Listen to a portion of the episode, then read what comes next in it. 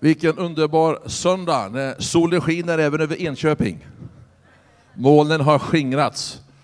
Amen. En profetisk hälsning till oss. Att solen alltid skiner ibland. Ibland är det lite moln i vägen, men det skingras. Det har varit en stor glädje för mig, jätteroligt att få vara här i Enköping och få eh, vara här ända sedan i onsdags. Eh, jag ska inte fråga hur många av er som har varit med varje gudstjänst, varje tillfälle. Men du som har varit där, du ska veta att jag uppskattar det Eh, väldigt högt eh, eftersom eh, det är lite tråkigt att predika för sig själv. Det är alltid roligt om det kommer någon och lyssnar. Men det har varit en stor förmån Christer att få komma hit. Tack för förtroendet och inbjudan. Du är en god vän.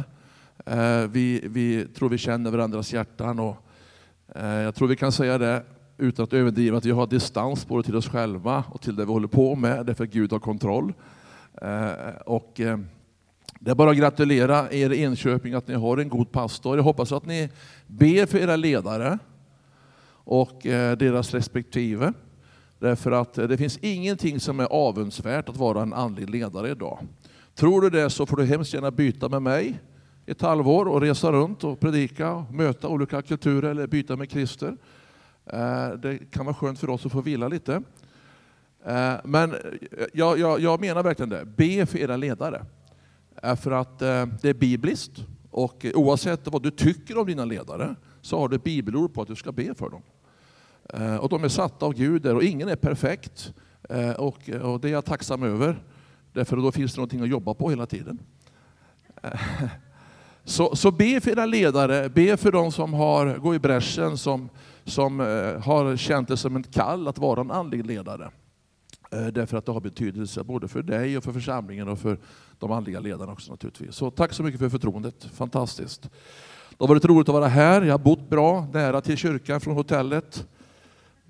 Och eh, god mat, god frukost, nära till gymmet här borta som jag fick eh, gymma gratis på. Och fått samtala med människor på gymmet om vad Enakyrkan är för någonting och vad den står för. Någon var lite chockad över att en präst kunde vara på gymmet. Bara där så bröts ju en fördom. Och sen att man lyfter ganska tungt också, det var ju ännu mer förvånande. Hörrni, när, jag, när, jag stod, när ni stod här och berättade lite om det ni jobbar med igår, så bara redan i onsdags när jag kom hit så kände jag att det fanns någonting jag ville säga till församlingen som uppmuntran och lite tankar. Men jag kände att jag kan inte liksom vara med och dela allt man kände, det, det hinner man inte på en plats sådär. Men nu, nu när ni stod här och ni så fantastiskt. Dela det där som, som ni har på era hjärtan och det är bara att jag stort ja i mitt hjärta. Amen. Så vill jag bara säga så här, jag, jag har förutom min resande tjänst och i min tjänst, i vårt arbete som heter Mission of Hope, så har vi jobbat med media i, sedan 2006 faktiskt. Både tv, nationellt och internationellt. Och eh, vi har också jobbat med lite mindre saker och loka, lokalt också och I vårt eget ministry så har vi insett att sociala medier är en vansinnigt stor slagkraft. Och eh, under den så kallade pandemin, då, det, som, ja, det där som hände här 2019, så, så fortsatte jag resa hela tiden. Men jag la om lite grann så att jag, jag eh, reste torsdag till lördag. Eh, och söndagarna skippade jag. Så vi hade liksom mindre samlingar och vi hade många samlingar varje dag. Men jag reste konstant under de här åren, hela tiden. Och, eh, men på söndag så fick jag en tanke att jag hemma i norra Värmland, i vårt missionskontor, skulle rigga upp en liten hörna. Och varje söndag klockan 14.00 så skulle vi ha undervisning, eller bara peptalk eller inspiration talk, vet, inspirationsprat. Det är bra. Eh, till de som lyssnar. Eh, och jag sa till min fru att eh, får jag hundra stycken som, som är med och lyssnar och tar del av det som, som eh, man har på sitt hjärta så är det fantastiskt bra. Så vi körde livesändningar. Och eh, två dygn innan så gjorde vi en enkel annonsering på vår Facebook-sida att nu ska vi köra det här på söndag igen klockan 14.00 och det här ska vi tala om. Och det är 45 minuter och det som var tidsbegränsat så folk vet att så här mycket är det. Eh, och sen så gjorde jag också en annonsering lokalt eh, uppe i norra Värmland i en tidning som gick ut till 13 000 hushåll. Att på söndag klockan 14.00 så gå in på den här offentliga Facebook-sidan och lyssna och se liksom vad, vad, vad som sägs. Eh, vet att jag hade upp över 4 000 på söndagarna som tittade. Förstår ni? Och då när jag gick in här i, i, i kyrkan när jag kom och såg den här äh, hörnan här, och jag såg den här estraden här, bara, bara den här hörnan här, så tänkte jag, först, förstår ni vilken kraft det är att skapa en annons i Enköpingstidningen, vad det nu är för något, och annonsera att den och den tiden varje vecka så är det livesändning, kyrka för den som inte går i kyrkan. Och så kör man livesändning här via en enkel Facebook-sida. Och så kan alla medlemmar som är med i kyrkan dela den på Facebook. Jag lovar att du når 60-70 000 personer, potentiella tittare, direkt. Direkt. Eh, och jag var, bara för, exempelvis så var jag i en kyrka för bara något år sedan i Finland. Jag var i Seinäjoki, som är en stor kyrka, där man samlar, inte nu längre, men man samlade tusen personer varje onsdag under Marto Kallionpäs ledning till bön och lovsång på onsdagarna. Och på söndagarna och lördagarna så var det upp mot 3000 personer som var där. Det var liksom drag. Eh, och så var jag där och sen en söndagkväll så var jag i en liten kyrka ett stycke längre in i Finland. Eh, och eh, den här kyrkan, det kanske var 50 stycken eh, på, på, på söndagskvällen där. Men så säger pastorn framifrån så här, för då livesänder de den gudstjänsten. Och den var bara utåtriktad. Och så sa han så här att nu, innan de slog på liksom eh, sändningen, så sa han nu kopplar ni upp er alla på era mobiltelefoner, alla som har Facebook-konton. Eh, och så, och så eh, delar ni den offentliga sidan och så startar mötet. Jag tänkte, det var ju en fantastisk tanke. Det sitter det 50 personer i kyrkan och jag predikar för de som inte tror, gör frälsningsbjudan och helande och befrielse. Och så efteråt så tar vi en fika och så säger han, vet du om att det är 22 000 som har sett mötet? 22 000.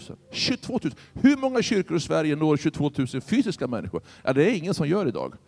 Så jag vill bara uppmuntra dig, tänk media, Tänk större, med väldigt få medel, faktiskt till och med helt gratis. Har du redan ett Facebook-konto, gör det offentligt. Och kyrkor har det idag, men man kan vända och vrida lite på hur man sänder och vilken målgrupp man riktar sig till. Så det är en fantastisk möjlighet.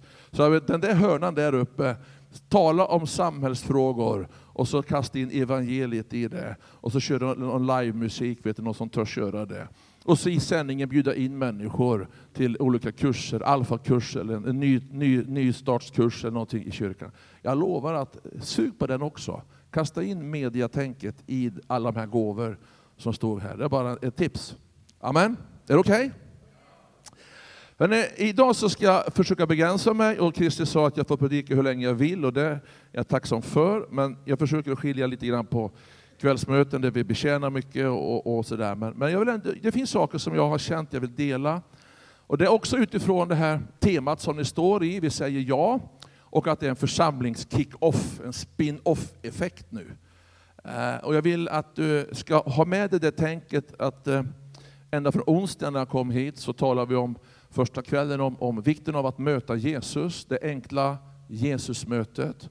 Eh, att det är en process i våra liv, men att det händer någonting i våra hjärtan där vi möter Jesus. Som går bortom all verksamhetstänk och allt detta som vi är en del av. Utan mötet med Jesus, det kommer vi aldrig komma undan. Det är helt avgörande i allt det som vi håller på med. Och då måste vi alltid komma tillbaka till Gud.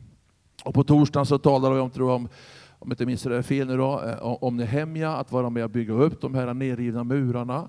Eh, och att, att, eh, att, att gå in liksom och, och, se att det finns en nöd för människors frälsning och så vidare. Och sen har det fortsatt här och du vet du som varit med. Idag så vill jag att du följer med mig till Ordspråksboken. Har du Bibeln med dig? Det kommer inte som en chock för den som är troende i varje fall. När man kommer till kyrkan, att man har Bibeln med sig på något sätt. Det är ju, idag så har man den via digitala, eh, eller hur? Det är väldigt sällan man, man, Hur många är det som har med sig the real stuff då? Men titta, det är ju fantastiskt. Ja, jag fick ju lära mig när jag var ung att det var ju bibelprasslet som störde Satan. men, men, men, men, men eh, vi tackar Gud för digitala medier. Och faktiskt, jag ska, jag ska säga det, jag, för många år sedan, jag har en kompis som utvecklar appar. Han håller på med det nu också. Sådär. Och, och I tidigt stadium när, när Bibeln kom via sina appar så, så eh, laddade jag ner den själv och så, eh, det, så sa jag, men, men, sa jag till min kompis, tänk om man skulle kunna göra en app där man kopplar till bibelapparna och så kan man lägga in det här bibelprasslet när man byter sida. Så kan man ha liksom ett pingstprassel och så kan man ha lite baptistprassel. Och så, och så sa ja, ja, och så kan man lägga in egna tungotal emellan. ja.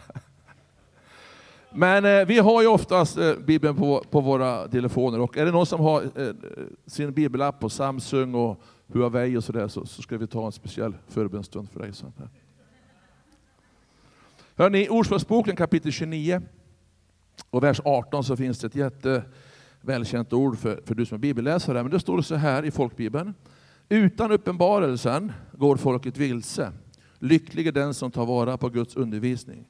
I den, tidigare bibelöversättningen och även i den engelska översättningen så är det utan vision så går folket förlorat. Utan vision så går folket förlorat. Och jag vill tala lite grann om, mycket enkelt idag, om vikten av att underordna sig en gudomlig given vision. Eh, därför att det är en våldsam kraft i att fånga det som ligger på Guds hjärta. Eh, och just det här med vision, för att eh, det är där som, som eh, eh, vi längtar efter att Gud ska tanka ner, ge oss en bild av det han vill göra. Och när ni stod här och berättade om det ni har talat om igår, så gör ni det utifrån att det finns en längtan, det finns en vision om att nå längre. Och jag skrev det i morse på min Facebook-sida också, att, att en kyrkan får aldrig isolera sig. Vi måste alltid sträcka oss ut. Och då har vi fått nådegåvor som är effektiva Eh, medel vi har fått ifrån, från Herren, från Gud, för att vara effektiva och nå människor. Men detta med vision, det är bibliskt. Och varje lokal kyrka tror jag har en vision. Eh, och det är ju en sak om jag har en vision på mitt hjärta, eller om det är en vision som bär mig. Eh, min vision och de, det jag liksom brinner för, det, det kan vara en god tanke, men det är inte alltid säkert att det är Gud. Även om det kan vara en god tanke. Och ibland så tappar vi sugen, vi blir trötta, vi tappar orken och det är helt okej okay, för vi är människor. Men det är en helt annan sak när det finns en vision som bär mig. Förstår ni tanken? För att eh, det är inte i min egen kraft jag ska göra någonting. Och varje lokal kyrka måste liksom underordna sig och eh, stå sida vid sida i en himmelsk vision. Och det ska jag tala om. I första Mosebok kapitel 12 så läser vi om, om Abraham Eh, som alla känner till. Och eh, han får kallelsen att gå ut från ditt land och din släkt och din fars hus och bege dig till det land som jag ska visa dig. Där ska jag göra dig till stort folk. Jag ska välsigna dig och göra ditt namn stort och du ska bli en välsignelse. Jag ska välsigna dem som välsignar dig och förbanna dem som förbannar dig. I dig ska jordens alla släkten bli välsignade. Amen. Så Gud lägger ner, Gud talar. Bara en kort parentes. Visst är det fascinerande att, att de hörde Gud så tydligt fast den helige Ande inte hade kommit? Gud sa och de hörde. Ja, och vi har fått en helig Ande som vår hjälpare, så att det är inte svårare för oss direkt. Nej. Men Gud sa till Abraham, gå ut ur ditt land och gå in i någonting som du inte vet vad det kommer att föra med sig. Och där ställs Abraham inför ett faktum och han får en vision i sitt hjärta, för Gud talar. Och, och eh, det, det, är många i Gamla Testamentet som har fått visionära upplevelser och gått in i någonting som man inte vet vad det är. Men man går in i det för att Gud har sagt det. Det är att leva av tro. Vi behöver idag gudomliga visioner i våra egna liv som bär oss. Så när, när, när, liksom, när, när svårigheterna kommer, när dagarna kommer där man inte känner sig riktigt fit for fight, så, så vet man att det är inte min vision. Det är inte jag som har tagit på mig något eget, utan det är hans vision som bär mig. Och de som frågar mig liksom efter 31 år snart i en resande mobiltjänst så där, och vårt missionsarbete, så frågar de ibland liksom, hur, hur, blir du aldrig trött? Liksom? Blir du aldrig trött? Jo, det är klart jag blir trött. Jag är ju människa. Eh, men, men, alltså, men, men, visionen, hur är det med den? Lever den lika starkt? Ditt hjärta, det, det verkar brinna lika mycket som för 31 år sedan. Nej, det gör det inte. Det brinner mer. Men hur är det möjligt? Ja, därför att min teologi har inte förändrats så mycket. Kallelsen har inte förändrats. Den är lika. För det är, inte, det är inte jag som bär på en vision för att förverkliga någonting som jag tror liksom Gud har lagt ner. Utan jag har underordnat mig en vision och visionen bär mig. Och då kan jag slappna av i det och känna, ja jag, jag, jag bara flyter med. va. Och när inte jag liksom upplever att Gud säger så mycket så vet jag ändå att han bär mig. Och i en lokal kyrka så måste vi förstå att, jag tror jag sa det igår, vi måste slappna av. Vi måste förstå att det beror inte på mig, Utan det finns en högre vision som ligger på Guds hjärta. Som vi måste underordna oss och stå skuldra mot skuldra. Eh, ni vet att det finns ju saker ibland som vi gör bara för att vi alltid har gjort dem, men vi vet inte varför vi gör dem. Att leva i en himmelsk vision, det är att aldrig sitta fast. Det är att alltid vara flexibel. Eh, det är det som är problematiskt när jag har en vision och jag brinner för någonting och det är liksom lite självtaget sådär, vet man, så, så, så är det lätt att bara gå på för att, ja men du vet, och så kanske Gud säger någonting annat. För han gör ju alltid allting nytt, eller hur? Och då krockar det ibland i våra liv, att, att vi sitter fast i vår historia och vi tror ibland att det Gud ska göra alltid liksom har sina referenspunkter i det han alltid har gjort tidigare. Men tänk om det är så att Gud ibland vill göra saker som inte vi vet vad det innebär. Tänk om det är så att den himmelska versionen ibland över en plats i en församlings DNA-profil liksom för folket ut i någonting som man inte vet vad det ska bli. Men man, man underordnar sig visionen mer än mig själv och så för sig in i någonting som inte vet vad det blir, men jag tar steg i tro och tror på att han har allt i sin hand. Abraham han gick in i någonting som inte han visste. Men jag har märkt och förstått att kyrkor, församlingar, familjer, enskilda som vågar ta steg ut i tro som ingenting är, just i tro, så blir det som ingenting till, det blir till. Amen. Så Gud utmanar oss idag och då ska inte vi sitta fast. Vi måste förstå att liksom, Gud är den han är och Gud tänker nytt. Jag tror personligen att framtidens kyrka kommer att se väldigt annorlunda ut än vad den gör både idag och vad den gjorde för 20 år sedan.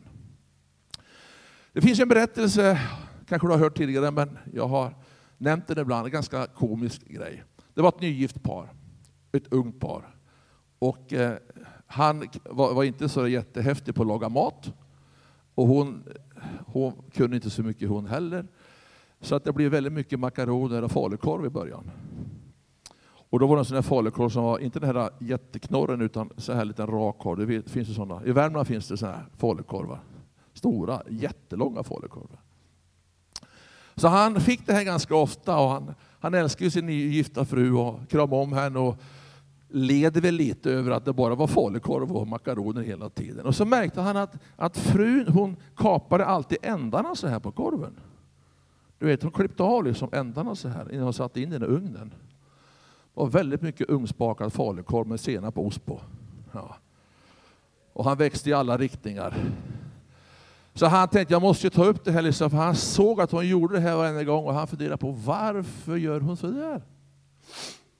Så han frågade lite försiktigt, liksom, du, det är jättegott med falukorv och makaroner, men du klipper ju av ändarna på korven här varje gång. Varför gör du det? Och den nygifta frun, unga frun blir helt ställd och säger ja.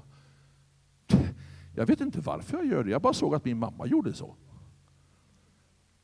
Jaha, tänkte han, men det var ju besynnerligt. Så att det var något släktkalas och så träffade han sin svärmor och försiktigt så liksom försökte han, du jag får väldigt mycket falukorv och makaroner. Men jag funderar på en sak, hon, hon kapar ändarna på falukorven så här. Och hon säger hon gör det för att du gjorde det. Och varför, varför, gör du det? Varför gjorde du det när hon växte upp och bodde hemma? Och hon blev helt ställd, svärmor, och sa ja, ja du, det, det har jag gjort bara för det gjorde min mamma. Och jag tänkte, det här är ju konstigt alltså. alltså va, va, hon vet inte varför hon gör det och, och svärmor vet inte heller varför hon gör det. Så, och så gammelmormor levde fortfarande. Vet du, så att, hon var över 90 år och man frågade henne liksom då, liksom, du, min, min, min dotter och min, min svärmor säger att de gjorde så, och det är för att du gjorde så. Jag måste fråga, var, varför kapar du liksom falukorven så där? Innan du satte in den i ugnen. Och så skrattade de och sa, ja, det gjorde jag för på min tid så var ugnarna så smala. Ja. Vet ni, det är väldigt enkel, kanske lite naiv bild, men ibland vet du när vi talar om vision så får vi tänka att Gud han tänker annorlunda än en frikyrkokultur. Gud tänker att evangeliet ska ut i alla världar. Jesus var i businessbranschen, han var i sjukvårdssystemet, han var i byggbranschen, han var i lärarbranschen, i skolans värld. Han var i alla branscher för evangeliet ska ut. Och det bara känner jag att den himmelska visionen som vi alla ska underordna oss, den, den handlar om något mycket, mycket större än det vi själva är en del av. Gud vill lyfta vår blick och se att möjligheterna är helt oändliga för att nå människor. Och jag har fyra punkter i all enkelhet idag. Idag ska jag är punktvis. Är det okej? Okay? Jag har eh, eh, sju underpunkter på varje punkt. Nej, det har jag inte, men jag har fyra underpunkter. Men jag ska inte ta dem. Det första jag vill säga när det gäller den himmelska visionen, det är att det står i Hebreerbrevet, vet du, ett klassiskt eh, kapitel som kallas för trons kapitel. Varför kallas det för det? Jo, det är för att alla de som är nämnda i det kapitlet, de levde av tro. Varje vers börjar med i tro, av tro, genom tro. Och när Hebreerbrevets författare skriver ner detta så har han hört talas om det som, som de här gudsmän och gudskvinnorna hade gjort. De levde av tro. Och inte tänkte han att vi 2000 eller flera tusen år senare skulle stå och predika om detta i Enköping, men det stärker oss. Eh, och det kallas för trons kapitel. Och då står det att tron, lyssna nu, tron är grunden för det vi hoppas på. Bara det är ju det är svårt att förstå. Tron som är abstrakt, tron på vad då? Tron på att Guds himmelska vision, hans tankar om evangeliets genombrottskraft i samhället, den är grunden, det är fundamentet för det jag hoppas på. Den ger oss visshet. Vad är visshet? Det är en bestämd form av tro. Jag vet att jag vet att jag vet. Det är no doubt about it. Det jag vet, det är en visshet. Likaväl som jag vet andra saker, så vet jag att det ger mig visshet om det jag kan se, inte se. Alltså den versen, förstår ni? Tron är grunden på det jag hoppas på. Den ger mig visshet om det jag inte kan se. Det är den himmelska versionen. Att försöka koppla med det Gud ser. Gud ser längre och större än församlingens verksamhet. Församlingens verksamhet och alla troendes eh, gemenskap människor är ett, ett verktyg i Guds övergripande stora plan för varje plats. Och tron är grunden för att visionen ska manifesteras och etableras i våra hjärtan och att människor ska bli frälsta. Och därför så utmanar Gud oss i vår tid att alltid leva i den himmelska visionen. Varför då? Därför att då blir det osynliga synligt. Det är först när jag kliver in i det osynliga, i tro på det jag redan vet, fast jag inte ser det, som det jag inte ser blir en visshet och det blir stabilitet. Det är inte jag som har kommit på det här. Det är Gud som har bestämt det här. Så vi vandrar inte åskådning. Och när man får tag i den himmelska visionen, då märks det i våra liv. Hur märks det? Ja, jag tror det märks på sättet hur vi ber. Jag tror det märks i sättet hur vi talar inför det som kommer. Jag tycker det märks att eh, de som har fångat den himmelska visionen och Guds tanke lever inte i historien, utan man lever i framtiden. Och man talar ut saker som inte finns, som om det redan finns i mitt böneliv. Och när jag lever det livet så kanske det finns en stor chans att jag får det jag ber om, fast inte jag ser det. Hänger ni med? Det rinner om trosundervisningen här nu. Ja. Men det är det Jesus talar om i sitt ord. Det befruktar också mitt sinne. När jag plötsligt inser att ja, men Gud, du har, du har gett mig och oss, församlingen, en vision om att få se en hel stad bli frälst och skakas av Guds kraft. Är det möjligt? Det är möjligt. Hur ska det gå till? Genom att mina sinnen befruktas av det jag inte kan se, men som jag redan har det. Och jag kan vara personlig idag och säga så här att i vårt arbete, min fru och mina medarbetare, fyra stycken med fruar, som, jag har jobbat ihop i 25 år, de är med i Mission of Hope. När vi samlas och vi pratar vision och liksom ber, reflekterar, sorterar, så ska du veta att vi talar bara tro. Vi har inga pengar, men vi har råd. Amen. Jag hörde här, det finns inga resurser, det måste till fler. Ja, men ju fler som tankar ner visionen så kommer det per automatik att komma både resurser, människor och pengar. Därför Gud betalar alltid det han beställer. Problemet är ju det att när vi ibland inte, eh, liksom, eh, när vi, eh, ju fler som kopplar på den himmelska visionen, desto fler resurser. Amen. Så pengar i Guds rike, det vi har fått att förvalta, det ska inte vara ett problem. Då är problemet våra hjärtan som inte tror på den himmelska visionen. Du är protektionistisk, du tänker bara på dig själv. Men Gud är större. Så visionen befruktar mitt sinne att tänka Guds tankar. Jag läser Guds ord som ger mig mer av hans tankar, hans sinnelag. Och jag förstår plötsligt att ja, men, jag måste leva mer av tro. Jag tänker på Abraham som höll fast vid hoppet fast hoppet var ute. Bara, hur kan man hålla fast vid någonting som man har tappat? hoppet är abstrakt. Tron kan ingen se. Men tron på Gud, den är grunden. Amen. Så det första är att visionen skapar tro. Har vi ingen vision, då irrar du bara omkring. För utan uppenbarelse, utan vision, så kommer du inte liksom någonstans, du kommer ingenstans. För många år sedan så var jag på väg till en större konferens. Och jag hade en dröm som kom tillbaka tre gånger inför den ganska stora konferensen. Och i drömmen så, jag har berättat det på några platser, men jag känner att jag ska göra det. Väldigt kort. I drömmen så satt jag i en sån här hästdroska, en svart hästdroska. Och den drogs av ett par, ett antal eh, hästar, svarta hingstar.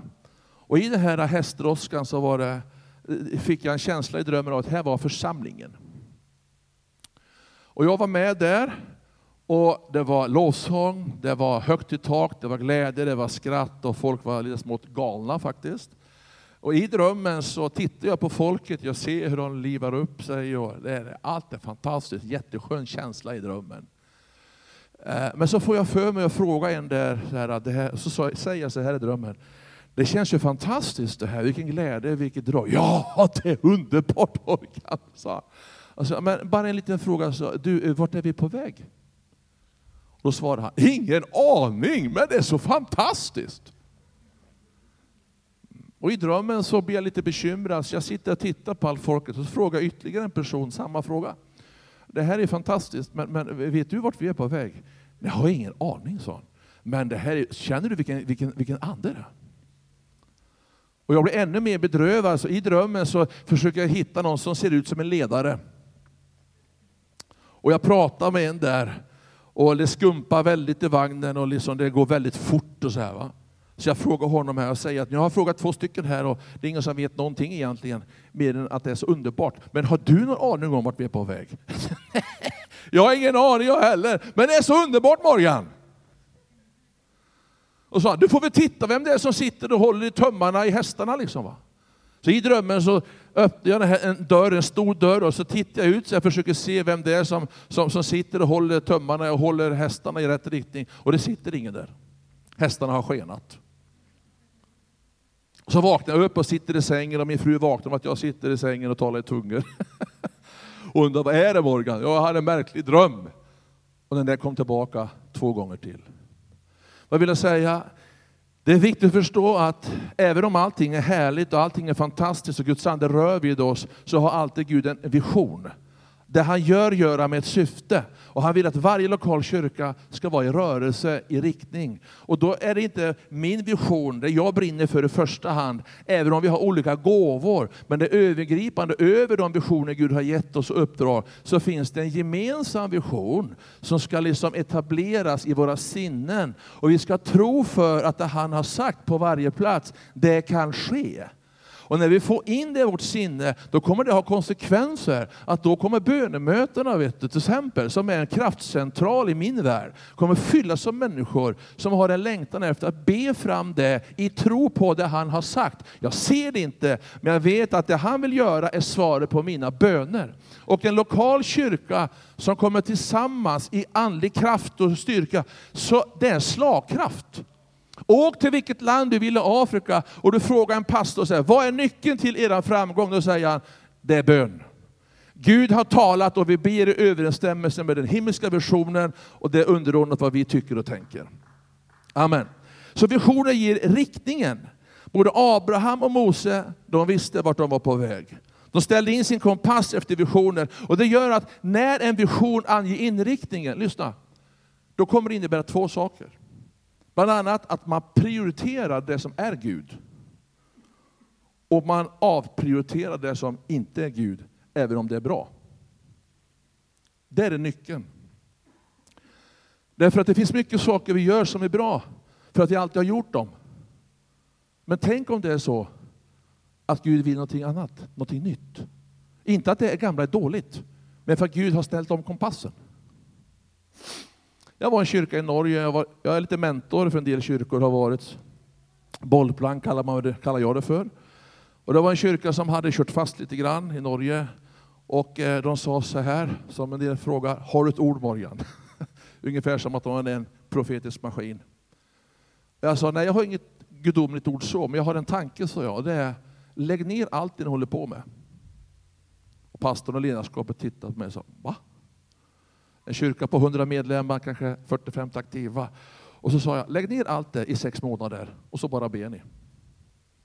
Och då tyckte jag att jag var dum i svensk. Eh, men de hade inga andra bra förslag, så de sa vi har inget annat att gå på, så vi, vi går på det. För då sa jag så här, för att det som är Gud då, då kommer det komma tillbaka starkt i era hjärtan. Och det som inte kommer tillbaka, då var det bra att ni la ner det. Det som hände under den här perioden var att nästan 20 stycken människor kom in i kyrkan bara på deras bönemöten och blev frälsta. Och de blev core-teamet sen att ta ett steg till tillsammans med de andra. Så för dem så var lösningen att bara be. Jag säger inte att det är en modell, men jag bara säger att Gud vill alltid göra någonting nytt. Sen vad det är, det får vi försöka fundera ut och be ut över. Men riktningen gör att vi avgränsar och vi prioriterar. Det kommer också samla resurser i samma riktning. Det är mycket starkare vet du, och lättare för Gud att jobba genom en gemensam kollektiv än, än du vet, de, en massa olika viljor som stretar mot varandra. Så tänker Gud att de aldrig ska lyssna. Jag har sagt själv, och jag la ut en bild på Facebook någon gång, att jag går hellre ensam åt rätt håll än tillsammans med andra åt fel håll. Och då, även där så måste vi förstå vad som är rätt håll. Men den himmelska visionen, den ger oss riktningen. Det tredje så kommer en himmelsk vision. Det är endast den som ger oss mod att handla, att agera. Därför om inte man ser någonting, vad Gud vill, och det bara är härligt och underbart, så kommer det inte ge oss det där modet och kraften att agera i den riktningen som Gud vill vi ska gå heller. För jag tror att varje lokal kyrka eh, känner glädje över att veta att det här är vi på väg att göra. Halleluja. Vi ska inta den här staden för Kristus. Och vi ska släppa loss den helige Andes kreativitet. Och bönen är grunden och tron på det vi hoppas ger mig visshet om det jag inte ser. Men som jag redan har sett i min ande när jag ber. Halleluja. Det är nästan värt ett litet svenskt amen. Ja, sådär, lite lagom sådär. Ja. Så det ger oss mod att handla. Varför då? Tron utan gärningar är död. Visionen ger tro som ger handlingar. Det fjärde och sista är, i all enkelhet nu då idag, att visionen, om den är himmelsk och den bär mig, då kommer den ge mig kraft att hålla ut. Till skillnad från om jag själv hittar på saker som för den skulle inte är fel, men du vet, kraften tar slut. Men den himmelska visionen, Guds tanke, den tar ju aldrig slut. Människor kan ta slut, människor kan bli trötta, men Gud blir aldrig trött. Då kommer han med ny styrka. Jag tänker på Abraham, jag tänker på löftessonen, jag tänker på tempelbygget vi talade om häromdagen. Vi tänker på muren som ska resas upp. Gud har en plan, han har en tanke. Och i det han har bestämt, det kommer han se till att det blir till. Han kommer inte ändra sig. Gud är inte schizofren. Jag har ju vänner som jag har suttit ner med och talat till och, de har känt Gud har sagt det här. Gud har sagt det här. Jag har en vision Morgan. Och jag är en god lyssnare. Och så lyssnar man och så går det ett år och så ringer de igen och så säger de Morgan, jag har en vision. Jag har fått en tanke. Och så går det åt det hållet. När det först gick åt det hållet. Och så säger jag kanske lite försiktigt, men broder, för ett år sedan så sa du att Gud hade sagt det här. Och nu är det ju helt annorlunda. Ah, ja, men du vet, ja, ja, Gud har sagt det nu. Och då försöker jag säga, men försök att lugna dig lite. För Gud är inte schizofren. Det är klart Gud kan ändra sig, men han ändrar sig inte hur fort som helst. Problemet är att jag tar saker för mig själv ibland och jag lyssnar inte in. Herre, vad är den övergripande tanken på, på den platsen jag tjänar, där jag bor? Låt mig vara en pusselbit, ett verktyg som fasas in sida vid sida med andra. Låt mig ta del och bli ett med de andra. Då känner man en väldig glädje. Och då om jag kanske inte orkar eller jag tröttnar, då är jag ändå med i samma riktning. För då finns det någon annan som tar vid när jag inte orkar. Är ni med? Så jag tror verkligen på att det finns en våldsam kraft i att ha en vision där varje församling utmanas och min tro utmanas att söka Gud. För hur ska vi veta Guds tanke om inte vi har relation med honom? Är ni med? Jag tror på en bedjande församling, en lovsjungande församling. Jag tror på en församling som, som, som, som, som går liksom bönevägen. Det är, inte att, du ska, att, det är inte att du ska knäppa händerna och be och blunda. Knäppa händerna och blunda, det är inte ens bibliskt. Va? Men att leva i bön, det är en livsstil. Men när vi samlas och vi ropar till Gud, Gud visa din väg, visa din makt. För du har en plan, du har, du har en tanke. Och då förstår jag, då säger man så, ja men jag vet inte. Nej men om vi inte vet, då vet vi inte. Men då får vi utbildas om det som han vill säga. Så det skapar tro, visionen skapar inriktning. Visionen ger dig mod att handla och visionen ger dig kraft att hålla ut. Och det är så mycket mer jag skulle vilja säga här som, som jag inte hinner idag. Men jag vill att du bara ska fånga detta. Att Gud har en tanke med dig. Att han tror på dig, att han vill att du ska in, inympas och bli ett med den himmelska visionen. Sen har Gud gett dig uppdrag personligt och så vidare. Men du måste se till att du har en egen upplevelse av vad Gud vill i det övergripande.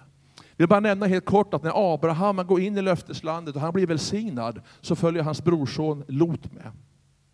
Och han blir också välsignad, för att han, han är nära den som har blivit kallad.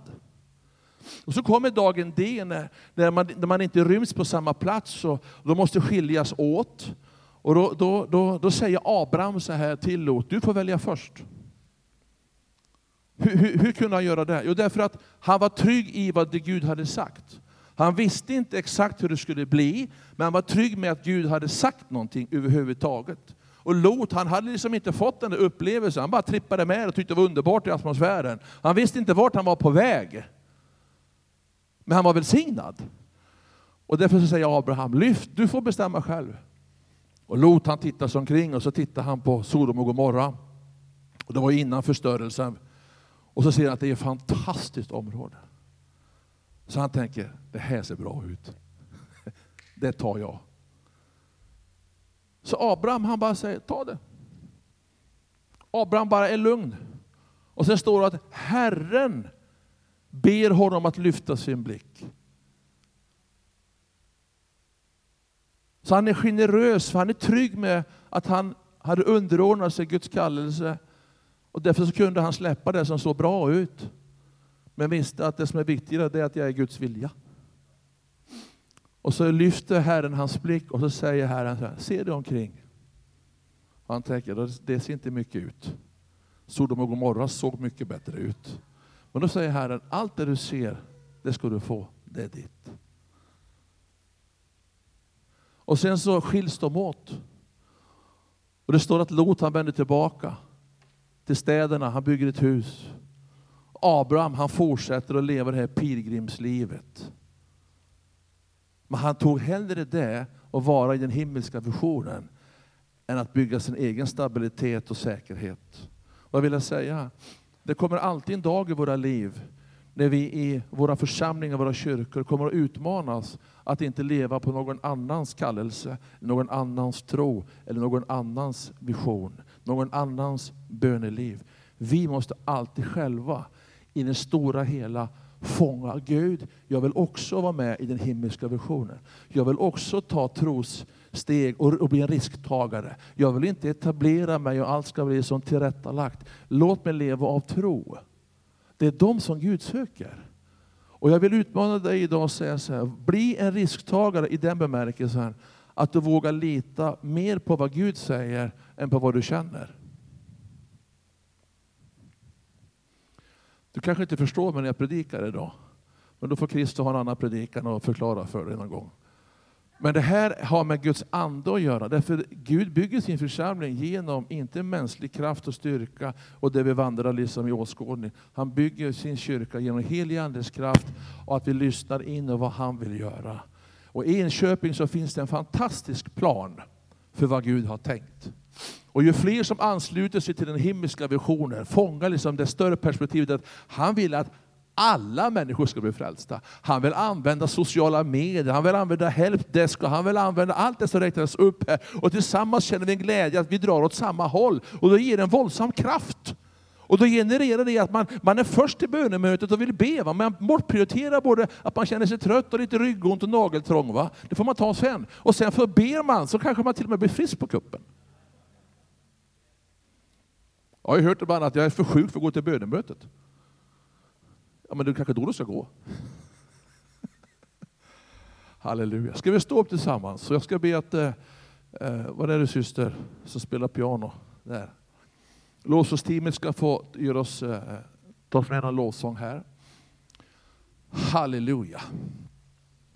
Så idag är det liksom en, en, en, en, en uppmuntran till dig, till församlingen här utifrån där ni står, att vi säger ja till den himmelska visionen. För att det kommer att ge dig tro. Utan vision så är det svårt att veta vart man är på väg. Det ger dig mod att handla, att agera. Du vet att jag skulle aldrig kunna vara med i ett ministry eller en kyrka som inte vet vart man är på väg. Bara för att det känns härligt, bara för att det är karismatiskt. Det säger ingenting, det säger lite, men det säger inte mycket egentligen. Utan Gud vill att du ska ha en dröm som han har gett till dig. Och när han talar så talar han samma sak till alla, övergripande. Och det är den gemensamma visionen som ger en våldsam slagkraft. Och då genomsyrar det varje människa, varje familj. Och när föräldrar kan implementera det och föra över det till, till barnen, eh, det är fantastiskt. Jag tycker det, när jag stod här i lovsången och såg de här tre yngre eh, tjejerna som stod och sjöng här, så kände jag att det är en profetisk bild av att, att Gud, han tänker generationer. Och när ni sår och när ni ber och när ni sår in i ekonomi, så gör ni inte för att ni ska fylla en massa tomma hål för det finns massa räkningar. Det är ett felaktigt tänk. Ni sår in i de som stod här. Ni investerar in i nästa generation som ska bära det vidare. Det är den visionen som Gud tänker. Och då ger det mig en glädje. Då, liksom, då, då söker inte jag mitt eget, att jag, min egen lilla vision ska bli liksom respekterad och, och, och, och underordnad i församlingen. Nej, nej, nej. Det är hans vision. Det är hans vision. Fader, vi tackar dig. Tackar dig för att du är här med din helige Ande. Tackar dig för ditt ord som skapar liv och skapar tro i, i oss, vi som är här. Tack för att du har en plan för vårt land Sverige. Tack för att den bästa tiden är nu att leva. Vi, Herre, vi vill ge dig våra hjärtan den här dagen. Vi vill överlämna oss i din härliga, dina gudomliga vision för varje plats och den platsen som, som, som är här i Enköping. Tack för de människor som kopplar med vad du säger. Tackar dig för att du vill använda alla mina fina vänner här. Med alla de gåvor de har fått, alla de verktyg du har gett dem i sina händer. Ge dem tro för den vision du har gett dem, Herre. Ge dem mod att agera, ge dem riktningen i sina liv, Herre, och ge dem mod att fortsätta och överlåta sig in i ett större sammanhang för att det handlar om nästa generation. Herre, hjälp oss att eh, göra egna upplevelser tillsammans med dig, där du talar till oss. Att inte bara leva på någon annans tro, utan för oss in i din närhet och din närvaro. Och tack att du påminner oss idag också om att vi alla räcker till. Att vi alla är inkluderade. Att vi vill leva i en vision. Att den tron som är grunden i våra liv, den ska bära mig om det jag inte ser. Och det ska vara en visshet om det jag hoppas på, Herre. Tack Jesus för det övernaturliga inslaget i våra liv, som ska vara naturligt övernaturligt, Herre. I Jesu namn så låt din helige Ande få tala till oss just nu, uppmuntra våra hjärtan. Kom helige Ande. Tackar dig för att du är här. Tack att du uppmuntrar de som känner sig nere. Du kommer med glädje de som känner sig sorgsen. Du kommer med helande till de som känner att de behöver det, Herre. Tack att du är Gud. Vi ger dig all ära och vi tackar dig i Jesu Kristi namn. Vi gör så här i all enkelhet idag. Vi kan göra på olika sätt. Eh, och det, det, vi ska inte falla in i mönster. Det tycker jag är väldigt, ja det är inte min grej riktigt. Men vi sjunger lovsång tillsammans. Och där du står nu så ska du ta ett snack med Gud. Och du ska fråga honom hur du förhåller dig till den, hans vision. Du kanske måste underordna dig och säga, Herre jag har gått min egen väg, jag vill förverkliga mina egna grejer. Eh, och det där kommer han att sköta om. Han, han kommer att hjälpa dig med det. Men det finns ett större perspektiv. Församlingen, lyssna. Församlingen, det har varken jag eller Kristus kommit på. Församlingen, det är Guds tanke. Allt det han vill göra, vill han göra genom församlingen, den troendes gemenskap. Därför så finns det inte tid att göra egna soloprestationer. Men i församlingstanken så är du fri också. Det är det som är så fantastiskt. Men Gud har bestämt församlingen, det är det instrument han vill jobba igenom. Amen. Så där du står nu så, tala med Gud. Känner du nu att du absolut vill ha förbön och komma fram här och bara stå här och göra statement eller vill ha förbön, så då får du göra det. Men annars så är inte det det primära idag, utan du ska bara stå. Och så ska du bara låta den helige Ande få dig att förstå att du är en del i ett större sammanhang.